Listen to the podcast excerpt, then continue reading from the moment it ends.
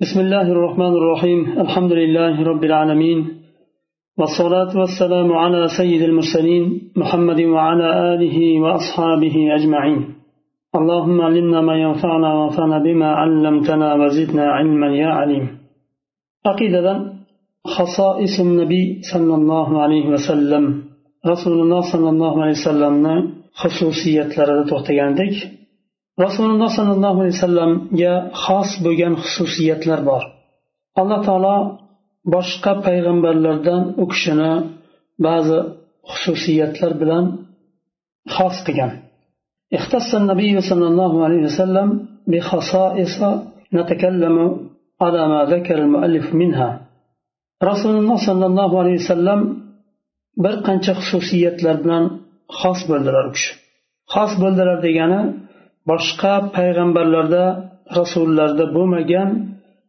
sifatlarga ega bo'ldilar o'zlariga xos bo'ldi u muallif zikr qilgan ba'zi bir nimalarni bu yerda birinchisi xotamun nabiyin قوله تعالى ما كان محمد أبا أحد من من رجالكم ولكن رسول الله وخاتم النبيين محمد صلى الله عليه وسلم sizlarni bittalaringni otasi emas.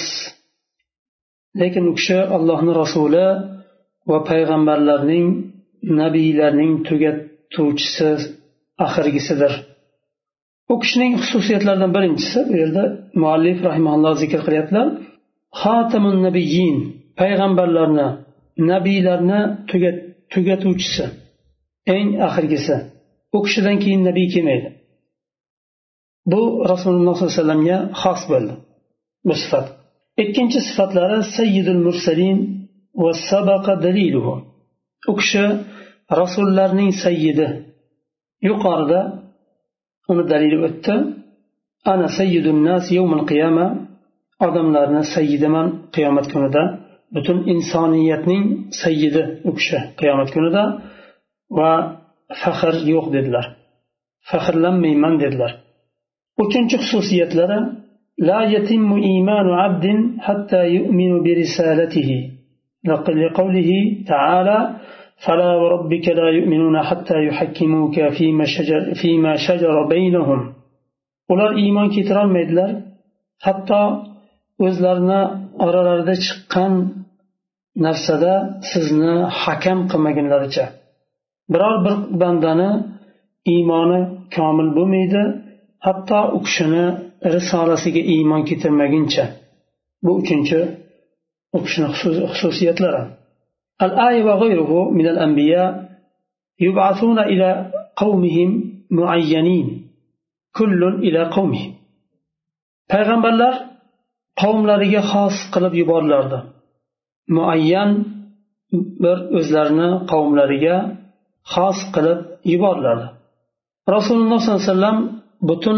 insoniyatga elchi qilib yubordilar yubordilar to'rtinchi xususiyatlari لا يقضى بين الناس إلا بشفاعته وسبق دليل ذلك في الشفاعة شفاعة بابدا o'tdi qiyomat kunida odamlarni ustidan hukm chiqarilmaydi magar rasululloh sollallohu alayhi vasallamning shafoatlari bilangina hukm boshlanadi beshinchi xususiyatlari sabqu ummatihi al umama fi duhulil janna لعموم قوله صلى الله عليه وسلم نحن الآخرون السابقون يوم القيامة ummatlari boshqa ummatlardan oldin jannatga kiradi hadisda rasululloh sollallohu alayhi vasallam aytdilar biz ummatlarning eng axiri va qiyomatda eng avval dedilar oltinchi xususiyatlari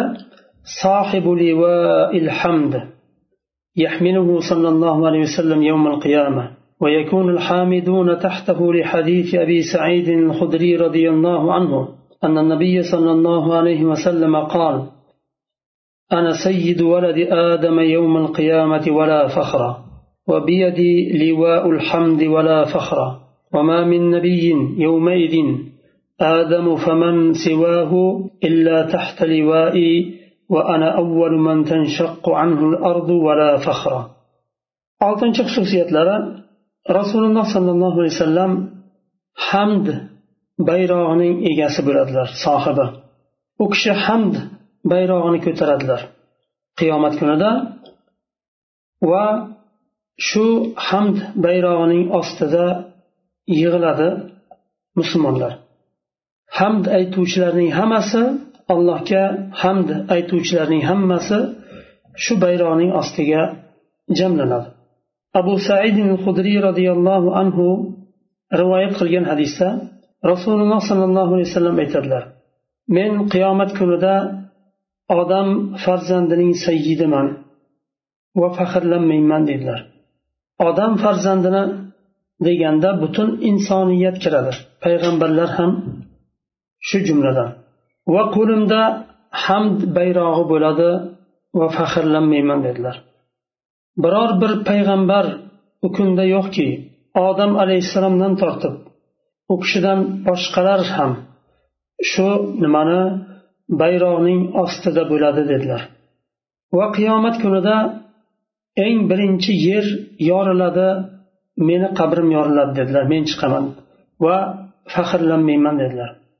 bu xususiyatlar rasululloh sollallohu alayhi vasallamga berildi yettinchi xususiyat sohibul maqomil mahmud ay العمل الذي يحمده عليه الخالق والمخلوق لقوله تعالى عسى أن يبعثك ربك مقاما محمودا أكش maqtalingan maqomning sohibi qiyomat kunida ya'ni u shunday bir o'rinki xoliq ham maxluq ham maqtaydi u o'rinni alloh taolo qur'onda aytyapti shoyatki alloh taolo sizni maqtalgan maqtalgan maqomda tiriltirsa وهذا المقام هو ما يحصل من مناقبه صلى الله عليه وسلم يوم القيامة من الشفاعة وغيرها bu maqom hosil bo'ladi rasululloh sollallohu alayhi vasallamning fazilatlaridan hisoblanadi bu Qiyomat kunidagi. Chunki u kishi qiyomat kunida bashariyatni hammasini shafoat qiladilar. Ya'ni bashariyatning hammasini shafoat qilish hisob uchun shafoat qiladilar. Jahannamdan ozod qilish uchun emas. Umumiy shafoat hisob uchun. Alloh taolo hisob qilmasdan tashlab qo'yadi xalqni qiyomat kunida. Teriga botib hisobni kutib charchashadi va Э, payg'ambarlarni oldiga birma bir boradi borishadi. Odam alayhissalomni yonlariga borganda u kishi yo'q men gunoh qilib jannatdan chiqqanman. Bugun allohning g'azabi juda ham qattiq. Bugungacha alloh taoloning g'azabi bunday bo'lmagan va bugundan keyin ham bunday bo'lmaydi. Men qo'rqaman allohni yoniga borolmayman deb odam alayhissalom bosh tortadi. Va boshqa payg'ambarlar ham bosh tortadi. odamlar rasululloh sollallohu alayhi vasallamni yonlariga kelganda rasululloh sollallohu alayhi vasallam sajda qilib alloh ilhomlantirgan duolarni o'qib allohdan so'raganlarida alloh u kishini shafoatlarini qabul qilib odamlarni hisob kitobini boshlaydi qiyomat kunida bu umumiy shafoat bu sakkizinchi xususiyat sohibul havd al mavrud والمراد الحوض الكبير الكثير واردوه الكثير واردوه أما مجرد الحياض فقد مر أن لكل نبي حوضا رسول الله صلى الله عليه وسلم قيامة كندا حوز sohibi bo'ladilar havz juda ham ko'pchilik kishi keladigan havz oddiy havz emas chunki har bir payg'ambarda havz bo'ladi alloh taolo har bir payg'ambarga havz beradi lekin rasululloh sollallohu alayhi vasallamga berilgan havz juda ham katta va u kishigagina beriladigan havz to'qqiz o'n o'n birinchi deb uchtasi berilibdi imom nabiyin va xatibuhum وصاحب شفاعتهم في حديث أبي أبي بن كعب أن النبي صلى الله عليه وسلم قال إذا كان يوم القيامة كنت إمام النبيين وخطيبهم وصاحب شفاعتهم غير فخر أجر u kishi e, bu to'qqizinchi o'ninchi o'n birinchi nima e, xususiyatlar payg'ambarlarning imomi bo'ladilar va ularning xotibi bo'ladilar xutba qiluvchisi va ularni shafoat sohibi bo'ladilar. Ubay nikab roziyallohu anhu aytadilar rasululloh sollallohu alayhi vasallam shunday dedilar qiyomat kunida men payg'ambarlarning imomiman dedilar va ularning xotibi va ularning shafoat sohibiman dedilar. Va faxrlanmayman dedilar. O'n ikkinchi xususiyat ummatuhu xayrul umami liqavlihi taala kuntum khayra ummatin ukhrijat linnas. U kishining ummatlari eng afzal ummatdir.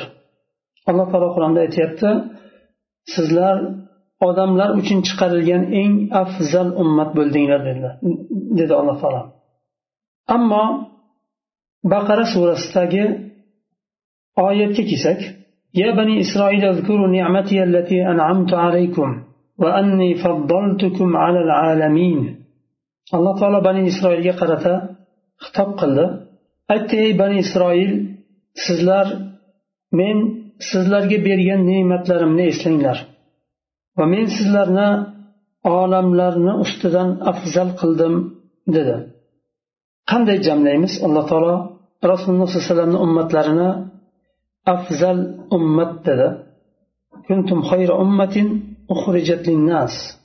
Baqaradagi oyatda banu isroilni alloh taolo aytyapti sizlarni olamlarni ustidan afzal qildim deyapti. Alami zamanihim.